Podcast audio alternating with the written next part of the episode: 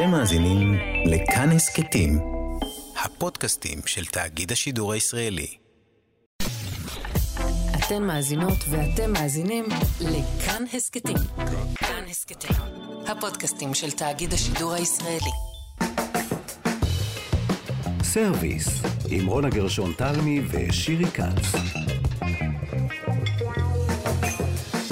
שלום לכם, אנחנו כאן בסרוויס איתנו דניאל פולק וארז שלום שנמצאים כאן באולפן. שלום שירי. שלום רונה גרשון תלמי. אנחנו אה, מדברות היום על תערוכה, אני הלכתי לראות תערוכה. הלכת בעצמך? בעצמי, במו רגליי. ואותי השארת פה באולפן, כן. כן, את עבדת קשה. אה, תערוכה ושמה עיר חיטה לחם, אפייה במאה ה-17 בירושלים, אה, וזה במרכז אסיף, המרכז הקולינרי שנמצא ברחוב לילנבלום בתל אביב. והתערוכה הזאת באמת, בעצם באה אה, לראות מה קרה במאה ה-17 מבחינת האוכל שלנו, ויש סיבה שמאוד קל אה, לתעד את זה, מכיוון שבית הדין השרעי, המוסלמי, אה, היה כותב בדיוק את סוגי הדגנ... הדגנים והכמויות אה, שהשתמשו בהם, ולכן יש ממש תיעוד, אה, ואפשר לשחזר מה קרה לפני 400 שנים. זה ענק, כאילו, אתה בא לבית משפט, וכאילו, מעבר לכל השיחה על מה קרה ומי נתן מכות למי, ומה אכלתם. יש תיעוד של חיטה, ומה, ומתכון, תנו מתכון כן, מדויק. עכשיו אנחנו נדבר כאן עם מי שעצרה את התערוכה, שזאת אה, אה, העיתונאית ואשת הקולינריה אהרונית ורד, אה, שתספר לנו סיפור מעניין, ותכף נבין למה, למה חשוב לנו להכיר את חיטות המורשת ואת החיטות אה, ונפתח כאן את העניין הזה, נשמע מה יש שם בתערוכה. קדימה. אז שלום לרונית ורד. אהלן, מה היי. נשמע? שלום, שלום. אז ראיתי אותך לפני כמה ימים בתערוכה, רונית. אה, נכון. שבאמת היא, היא אומנם קטנה, צריך להגיד למאזינים, זו לא תערוכה מאוד גדולה, אבל היא מרתקת. אה, אפשר להתעכב שם, לשמוע. אה, כן, אפשר להתעכב שם על, על כל אה, מאפה ועל אני כל חייבת אבל קודם חותמת. כל לשאול, איך הגעת לזה בכלל? כאילו, בית דין שרעי, כאילו, את, אני יודעת שאת עושה כל מיני דברים מוזרים, ועדיין, פה הרחקת לכת. האמת היא שזה התחיל ממפגש שלי עם ההיסטוריון דוקטור שי והבה. פגשתי אותו דווקא בהקשר של קפה ומשהו אחר לגמרי, וביקשתי לקרוא את הדוקטורט שלו. הוא עשה את הדוקטורט שלו בעצם על חיי היומיום בירושלים במאה ה-17. אה, הוא עשה את זה דרך מעבר על תעודות שהן לכאורה הכי משעממות בעולם, רשימות של עזבונות וירושות ומיסים ותעודות משלוח. אבל הוא מצייר תמונה פשוט מקסימה של החיים, חיי היומיום בירושלים במאה ה-17, ואני ממש נדלקתי ממשפט או שניים שהוא כתב על לחם וקמח ודגנים, אה, וביקשתי ממנו שיוציא לנו את כל התעודות שקשורות לנושא, ובאמת הצלחנו לאסוף מכל מיני תעודות רגולטיביות אה, רשימה של כל סוגי הדגנים, של כל סוגי הקמחים ושל כל סוגי הלחמים שנאפו בירושלים במאה ה-17. זה היה השלב הראשון. תגידי, רונית. איך זה שיש תיעוד כזה? זאת אומרת, למה הם דאגו, אה, אנחנו יודעים? למה הם דאגו כן, בטח, לכתוב כל דגן בטח, ודגן? בטח. אה, פשוט כי לחם כבר אז, בגלל שהוא כל כך חשוב לנו במזרח התיכון ובכלל בעולם, אה, לחם כבר אז מפוקח על ידי המדינה, המחיר שלו מפוקח, הטיב שלו מפוקח, חלק גדול מהתעודות באמת שנוגעות ללחם קשורות לתלונות על, קמח ואיכות לא מספיק טובה, על תעודות משלוח של חיטה ממקום למקום. לא רק חיטה כמובן, אוכלים באותם שנים גם שעורה ודוחן ודגנים אחרים.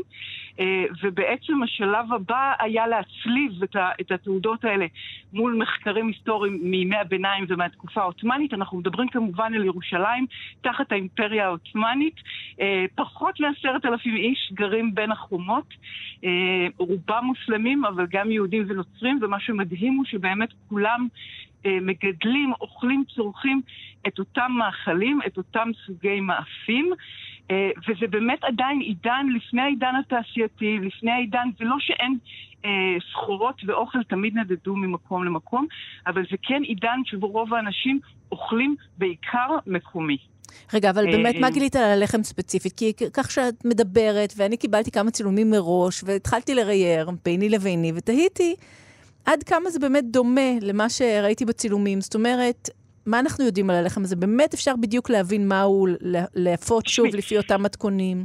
מה שהיה נורא מעניין זה לראות את הגלגולים של המאפים האלה, כי ברשימה הזאת יש מאפים ש- שהשם שלהם כמובן ידוע עד היום, חלקם השתנו בשם, חלקם הטכניקות השתנו, אבל כן, יש הד, אנחנו מסוגלים לשחזר מתכונים, שוב, הצלבנו את זה מול חומרים מימי הביניים ומהתקופה העות'מאנית, בטורקיה בשנים האחרונות עושים מחקר מדהים שקשור למטבח ההיסטורי, ומכיוון שיש לנו את האימפריה כמשהו שמאחד, גם משם קיבלנו הרבה מידע. וברשימה הזאת מופיעים מאפים גם שכולנו מכירים עד היום. יש בזה משהו נורא מרגש להבין שאנשים שחיו אה, בירושלים במאה ה-17 לפני כמה מאות שנים אוכלים בורק ואוכלים כנאפה. הם גם אוכלים לחם סמוני ולחם מאווי ולחם חצאווי ושמות שקצת פחות שגורים על לשוננו היום, אבל כן אפשר למצוא הדים למאפים האלה, בין אם באטיומולוגיה של השמות או במאפים כאילו אה, שהשם שלהם השתנה, אבל הטכניקה נשארה מאוד דומה.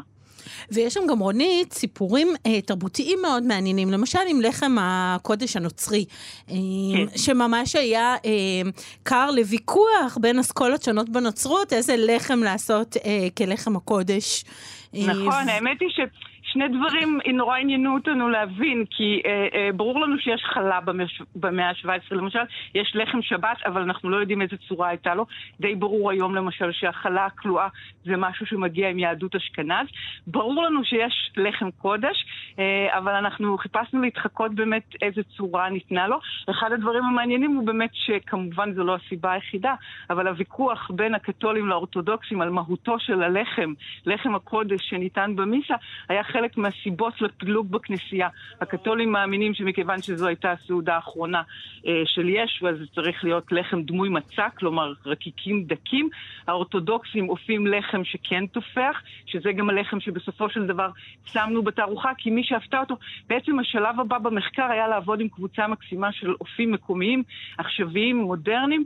אה, חלקם שחזרו את המאפים כמו שהם היו, חלקם יצרו מאפים חדשים בהשראת אותם אה, מאפים ישנים. מי שאפתה לנו את לחם הקודש, למשל, זו לילה שבן המקסימה מכפר ראמה, שהיא כמו סבתה לפניה, באמת אפתה עבור תושבי הכפר אה, את לחם הקודש, והיא מחזיקה בחותם לחם יפהפה בין למעלה ממאה שנה שניתן למשפחתה על ידי אחד הכמרים. במרוצת הזמן. החותם הזה זה מקרה... סיפור מדהים, רונית. נכון. העניין של החותם שהיו מטביעים בלחם, אתם גם עשיתם אינטרפטציות מודרניות שלו. נכון, כי זה סיפור מקסים, כי במאה ה-17 בעצם לרוב האנשים זה משהו שלנו בעולם המודרני קשה קצת לתפוס, אבל אה, לרוב האנשים כמובן אין תנור בבית, אנחנו ארץ דלה במקורות... הס... כן. בדיוק. זו ארץ דלה במקורות הסקה.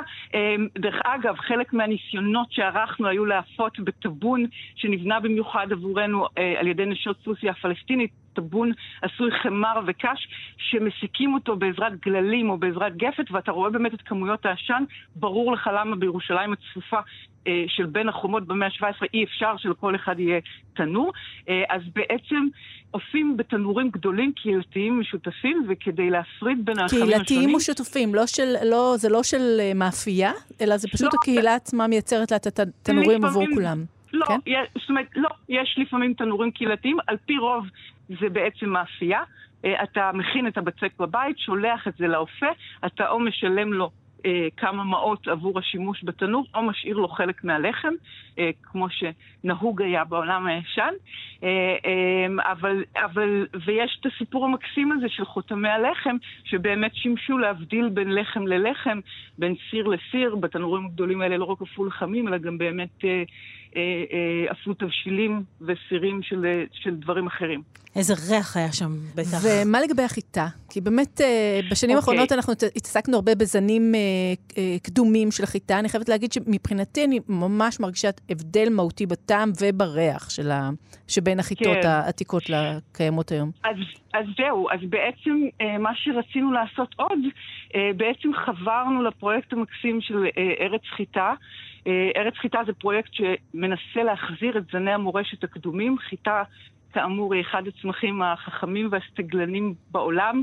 אה, עד לפני 100-150 שנה, רק באזור ארץ ישראל, לבדה, לכל כפר, לכל עיר, לכל חבל ארץ, יש את זן החיטה שלו, אה, שבדרך כלל מקבל באמת את השם של המקום שבו הוא נמצא. ולזנים האלה יש כל אחד תכונות נפרדות, תכונות טעם וארומות, וזה מתאים יותר לעשות קמח, זה מתאים יותר לעשות בורגול. כל זה כמובן נעלם בעידן המודרני. אמ, אנחנו, זה מה שנקרא המהפכה הירוקה, שהיא אה, גם מהפכה מבורכת כמובן, אה, שבזכותה העולם מצליח להכיל מיליארדים, אבל מה שקורה שהולכת לאיבוד מורשת מאוד גדולה.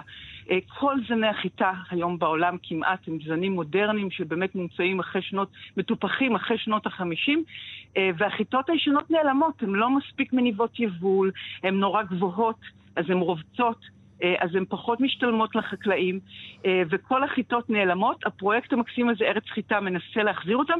אנחנו קיבלנו מהם בעצם כמה מאות קילוגרמים אה, של דגני מורשת.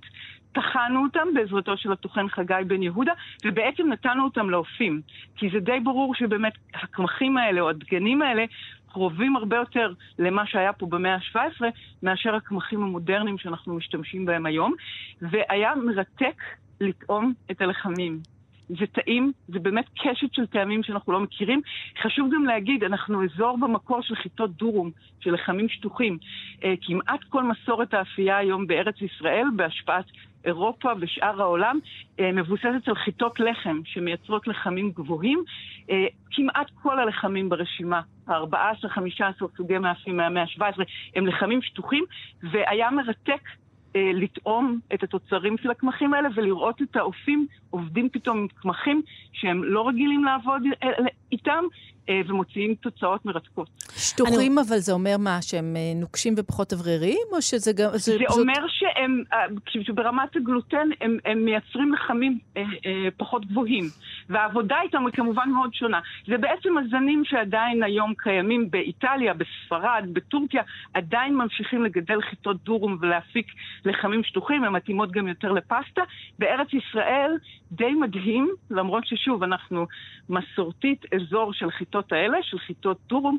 היום אין אף קו תעשייתי באף אחת מתחנות הקמח שיכול לעשות קמח מחיטת דורום בכלל. ממש הפסקנו לגדל את הזנים שהיו פה לא חלק מהמורשת. כי זה לא רווחי, כי זה יותר מסובך, כי יותר קל לייבא, את יודעת, כן. כל הבעיות שקשורות לחקלאות בארץ ישראל. אבל מבחינת הטעם, רק מבחינת הטעם תספרו לי, כי אני לא טעים, לא הייתי ב... טעים, אבל טעים. יותר אוורירי, יותר דחוס, מה החוויה?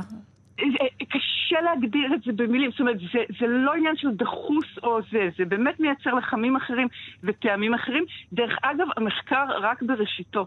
כלומר, אנחנו קיבלנו את אה, אותם מאות קילוגרמים, ייקח עוד לפחות 10-15 שנה עד שהדברים האלה יגיעו פה לשימוש מסחרי.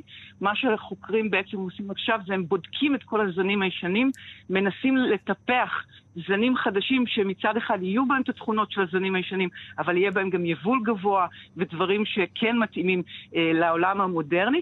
וחלק ממה שרצינו לעשות בתערוכה, שהיא כמו שאמרת קטנטונת, אבל יש מאחוריה המון מחקר שמופיע גם אה, אה, באתר שלנו בצורת מאמרים וכתבות, זה לחבר בין החוקרים לאופים, כדי שהאופים יגידו לחוקרים, את יודעת, חוקרים, אה, אה, מה שמעניין אותם לעיתים תכופות זה באמת אה, חיי מדף ארוכים, זה אה, אה, האם היבול יהיה רווחי לחקלאים. היה לנו מאוד חשוב להפגיש בין החוקרים לאופים, כדי שגם הפרמטר של טעם בתהליך המדורג הזה של בחירת החיטות לעתיד, אה, אה, יהיו מעורבים אנשים של טעם ואופים. ולהשפיע. אז על ההשפעה ולהשפיע. הזאת אני רוצה לסיכום לשאול אותך רונית. אחרי המסע yeah. כן. המרתק הזה והכל כך יפה שעשית אל תוך הלחמים האלה של, ה- אה, של ירושלים במאה ה-17, למה בעצם, מעבר לנוסטלגיה ולגוף הידע, שהם ברורים מאליהם, רונית, למה זה כל כך חשוב?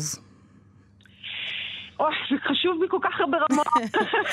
באמת, אני אנסה לצמצם, כאילו, את יודעת, זה חשוב ברמה, זה ברור לנו היום שכאילו, את יודעת, עוד פעם, שוב, לא נחזיר את הגלגל לאחור. יש המון אנשים בעולם, אנחנו צריכים להכיל אותם, אבל די ברור היום שמשהו במערכות המזון הגדולות והגלובליות, ובחקלאות התעשייתית והאינטנסיבית שפיתחנו מאוד מאוד בעייתי.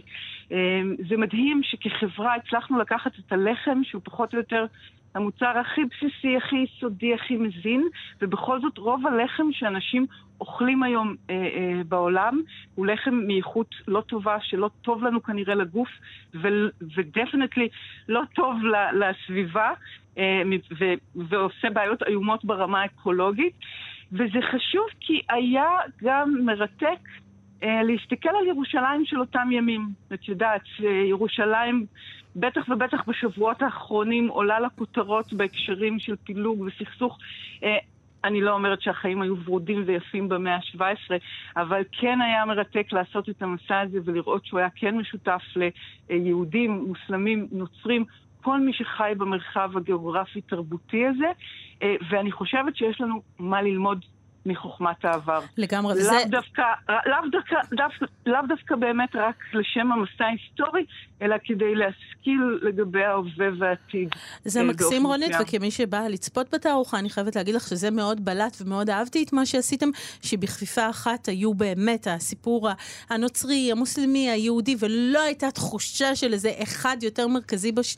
מהשני בתערוכה, אלא הייתה איזו תחושה טבעית וזורמת של סיפור הלחם ששייך לכולם. שנצליח אמן, יום אמן, אחד. אמן, אמן. ולשירי בדיוק. יש עוד שאלה אחרונה כן, בכל בטח. זאת, כי אני לא יכולה בטח. להרפות. אה, להבנתי את נמצאת עכשיו בפריז, לא? ב- בסט, בעיר קטנה בדרום צרפת. אה, או. אוקיי, יפה.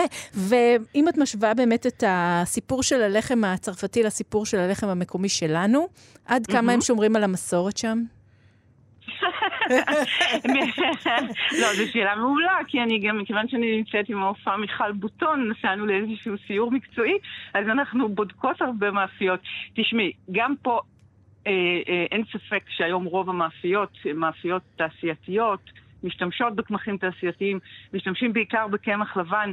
אמנם יש להם מסורת חזקה יותר משלנו, במובן של, את יודעת, מאות שנים וגילדה של אופים, ש... אה, אבל גם פה אתה רואה הרבה מאוד לחם תעשייתי. המאמץ הזה היום, דרך אגב, אה, למצוא את זני החיטה המסורתיים ולהחזיר אותם לשימוש משותף לכל העולם. יש פרויקטים מרתקים פה בצרפת, יש באיטליה, יש בארצות הברית, יש בטורקיה. אה, אה, גם המדינות השכנות לנו, כולם עושות את זה.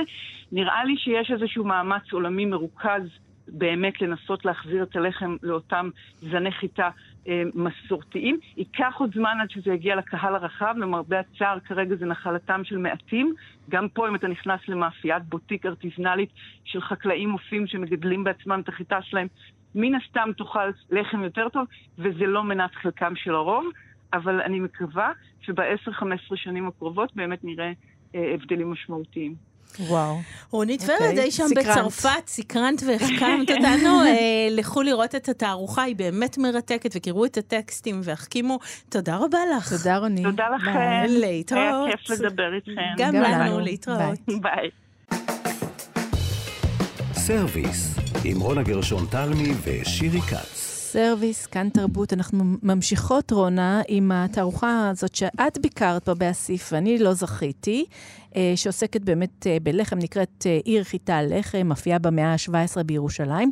ומה שמדהים בתערוכה הזאת, להבנתי, שכאמור לא טעמתי, אבל את טעמת, זה שבאמת רונית ורד הצליחה לארגן קאדר שלם של אופים ועופות, שמשחזרים את המתכונים, ואחת העופות המאוד מוכשרות האלה, היא מישהי שכבר ראיינו בעבר, אבל אנחנו הפעם נדבר איתה על אפייה.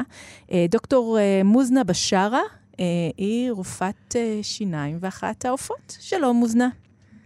שלום, מה נשמע? שלום, שלום, היי, טוב מה לשמוע שלומך? כיף. להיות איתכן שוב. אני רק אתקן שאני מצוות אסיף, ואני לא- לא אחת העופות, אני נכון. כן עבדתי על התערוכה. מצוות. אס- אסיף. אה, כן. ואיזה, באמת, אה, איזה לחמים אה, אנחנו יכולים באמת, כי לא נכנסנו לרזולוציה של ספציפית איזה לחמים יש בתערוכה. מה רואים כן. מבחינת לחמים? אז uh, בתערוכה אנחנו uh, התבססנו על uh, ממצאים uh, מ- מהסיג'ל של uh, בית המשפט השרעי בירושלים מהמאה ה-17. בעצם uh, מצאנו, דוקטור שי וואבה מהאוניברסיטה העברית מצא uh, פסקי דין שקשורים בלחם, כל מיני אנשים שטבעו אחד את השני על משקלים של לחם, על uh, סוגי לחם שאפו והם לא היו אמורים לעשות. איזה אה, סכסוכים, ומוזכרים אה, שם- מוזנה? כן, לגמרי, לגמרי. כן, אשכרה הכי רחוק טבעו אחד... אה, שיש. כן, ממש, ממש. אשכרה כן. טבעו אחד את השני על מה, על זה שמכרו את הלחם הלא אה, נכון? אם אם- אם מאפייה מכרה, מעלה במשקל הלחם ומכרה, כי- כי הרי לחמים היו, אמ, אמ, היה חוק אה, עות'מאני שקבע איזה משקל לתת לכל לחם ואיזה חומרים לשים בכל לחם וכאלה, זה היה רגולציה, הייתה רגולציה מ- מהממשל, וכן, כאילו אנשים ש, שחרגו מה, ממה שצריך הגיעו לבית משפט. ואז מוזכרים שם כמה סוגי לחם, מוזכר שם הלחם אקמז' שזה האימא של הפיתה המודרנית בעצם. שאיך. הוא היה עשוי? רגע, אבל תפרטי בדיוק כדי היה... פה. אה, הוא היה אה, דומה לפיתה, אבל הרבה יותר גדול. בעצם הפיתה של היום אה, היא משהו שהתפתח רק בארץ בשנות ה-60-70, בשביל להתאים למנה פלאפל שמוכרים בדוכנים. אה, לא ידעתי, זה היה כמו לאפה היה... יותר? כן, זה היה יותר דומה ללאפה והרבה יותר דק. Mm-hmm. היה לחם חצאווי, שזה לחם שעפו אותו על חלוקי נחל, ואז בלחם את רואה את ה... אינדנטציות, את התביעות של החלוקי נחל בתחתית של הלחם. והוא מה, הוא היה. יותר דומה למה שאנחנו קוראים היום פרנה? היה, כן, הוא היה יותר דומה נגיד ללאפה עיראקית, אבל עד היום אפשר למצוא את זה במאפיות גם בארץ, בצפון. היה שם לחם טבון, שאפו אותו בטבון שהוכן מאבן וקש. Mm-hmm. היה שם דברים יותר מיוחדים, אה, אה, מאפה שנקרא גרק, שזה כמו בצק חלה ממולא בתמרים או באגוזים. שזה קצת, שזה מה, זה ממש מתוק, זה כמו, קצת כמו כן. עוגה, כן. לא? זה, זה כמו, כמו העוגיות צמיד הערביות, mm-hmm. שאנחנו מכינים גם היום בחגים, זה דומה יותר לעוגה בדיוק. Mm-hmm. היה עטייף, כנף, אמ, מה עוד פספסתי? כנאפה זה כמו שאנחנו מכירים איזה, כי יש עכשיו כמה גרסאות של כנאפה שרצות חזק בתל אביב, אז למה זה הכי דומה? אז זהו, אתן אה, לא רוצות לשאול אותי על כנאפה, כי אני לא אסיים. כנאפה בעצם... אה, איזה איומים, איזה איומים. אז כנאפה, אה, האזכור הכי עתיק שלה זה משנת, מספר שנקרא כיתה בטביח, שנכתב בשנת 950 בערך, בבגדד, והכינו אותה בתור אטריות דקות שערבבו אותה עם אגוזים, סוכר או דבש. אה, לאט לאט זה התפתח לצורה שאנחנו מכירים היום, אבל כן המילוי היה אגוזים ושקידים ולא, ולא לא גבינה. גבינה. מעניין. גבינה, הטענה היא שזה הופיע יותר לקראת המאה ה-18, והטענה עד היום שזה התחיל בשכם ומשם זה התפרס לכל העולם. Mm-hmm. אבל כן, כנאפה, כמו שאנחנו מכירים, אבל במילוי של אגוזים יותר. עדיין יש אה, גרסאות כאלה של כנאפה שרצות בכל מיני מקומות? זאת אומרת, עדיין אפשר אה, למצוא כזאת, או שזה לא... הגרסה הכי שכיחה היא באמת הגבינה, אבל אפשר למצוא אה, גרסאות ממולאות יותר, כאילו, שערות כנאפה שמגולגלות ולא בצורת צלחת. ובתוכן יש שקדים ואגוזים. אבל, אבל יש כן, הבדלים מהותיים בטעם, זאת אומרת, יש כנאפה כן, ויש כן. כנאפה. אה, עולמות, עולמות אחרים. אבל לא קוראים לזה כנאפה, לא? אם זה כבר מגולגל, זה כבר נקרא אחרת. כן, נותנים לזה, לזה שמות אחרים, אבל בספרים העתיקים ובממצאים העתיקים, זה, זה התייחסו לכולן כאל כנאפה. מוזנה, יצא לך גם להתנסות בזרעי מורשת האלה, בדגנים האלה? יצא לך לנסות... לאפות איתם? אה, אנחנו בעיקר אה, בצוות אכלנו, אבל אני הייתי בקשר הדוק עם, ה... עם האופים. אה, וכולם מציינים שזו הייתה חוויה מאוד מעניינת. גם הטעם מרגישים בהבדלי, בהבדלי טעם, גם בהבדלי, בהבדלים בעבודה, כאילו זה, זה זנים שהם, שהם מחיטת דורום יותר קשה, פחות גלוטן, וזה כן היה אתגר מעניין לכל האופים שנתנו על... להם להתנסות ולסיום, איתנו. ולסיום, כי לצערנו אנחנו צריכות לסיים, הלכנו רחוק מאז, זאת אומרת, אם אנחנו מסתכלות על המאה ה-17, ואנחנו מסתכלות היום על הדגנים האלה ועל הלחמים שמגיעים למוזיאון, פתאום יש לנו לחם במוזיאון, אה, הלכנו רחוק מאוד? וואו, מאוד רחוק. בעצם מה שקרה פה במאה השנים האחרונות זה פשוט מחיקה טוטאלית אה, של הזני מורשת שהיו פה, אה, חלק ביד מכוונת וחלק ב... כתוצאה מהמודרנה והצורך במשהו שנוח לתעשייה להסתדר איתו.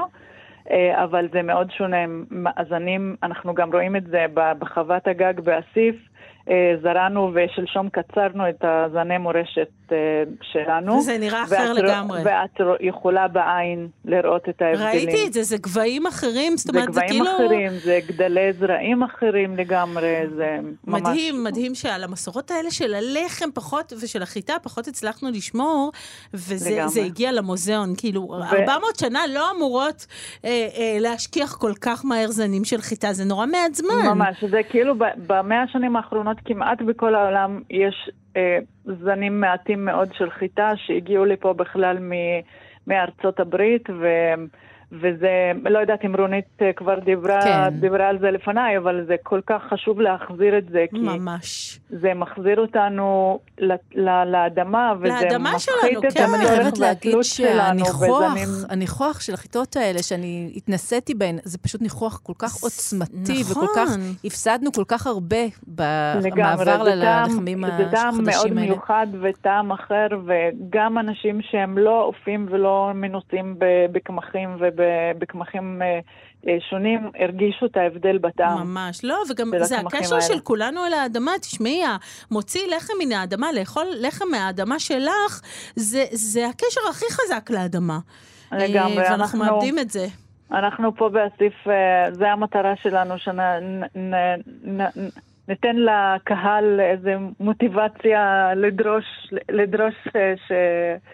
שינוי הלוואי, הלוואי, זה נורא הצריכה חשוב. שלנו. הלוואי. אז טוב, פרויקט מבורך. אה, תודה תודה רבה רבה. לך. דוקטור מוזנה בשארה, תודה. רבה רבה. תבוא, נבוא, רבה. נבוא. תענוג לדבר איתך. תודה. תודה. ביי ביי. אז אנחנו מסיימות. אה, שירי, לחם הגיע למוזיאון, זה באמת בשורה, וצריך להגיד גם שהם עבדו קשה כדי להצליח לשמר.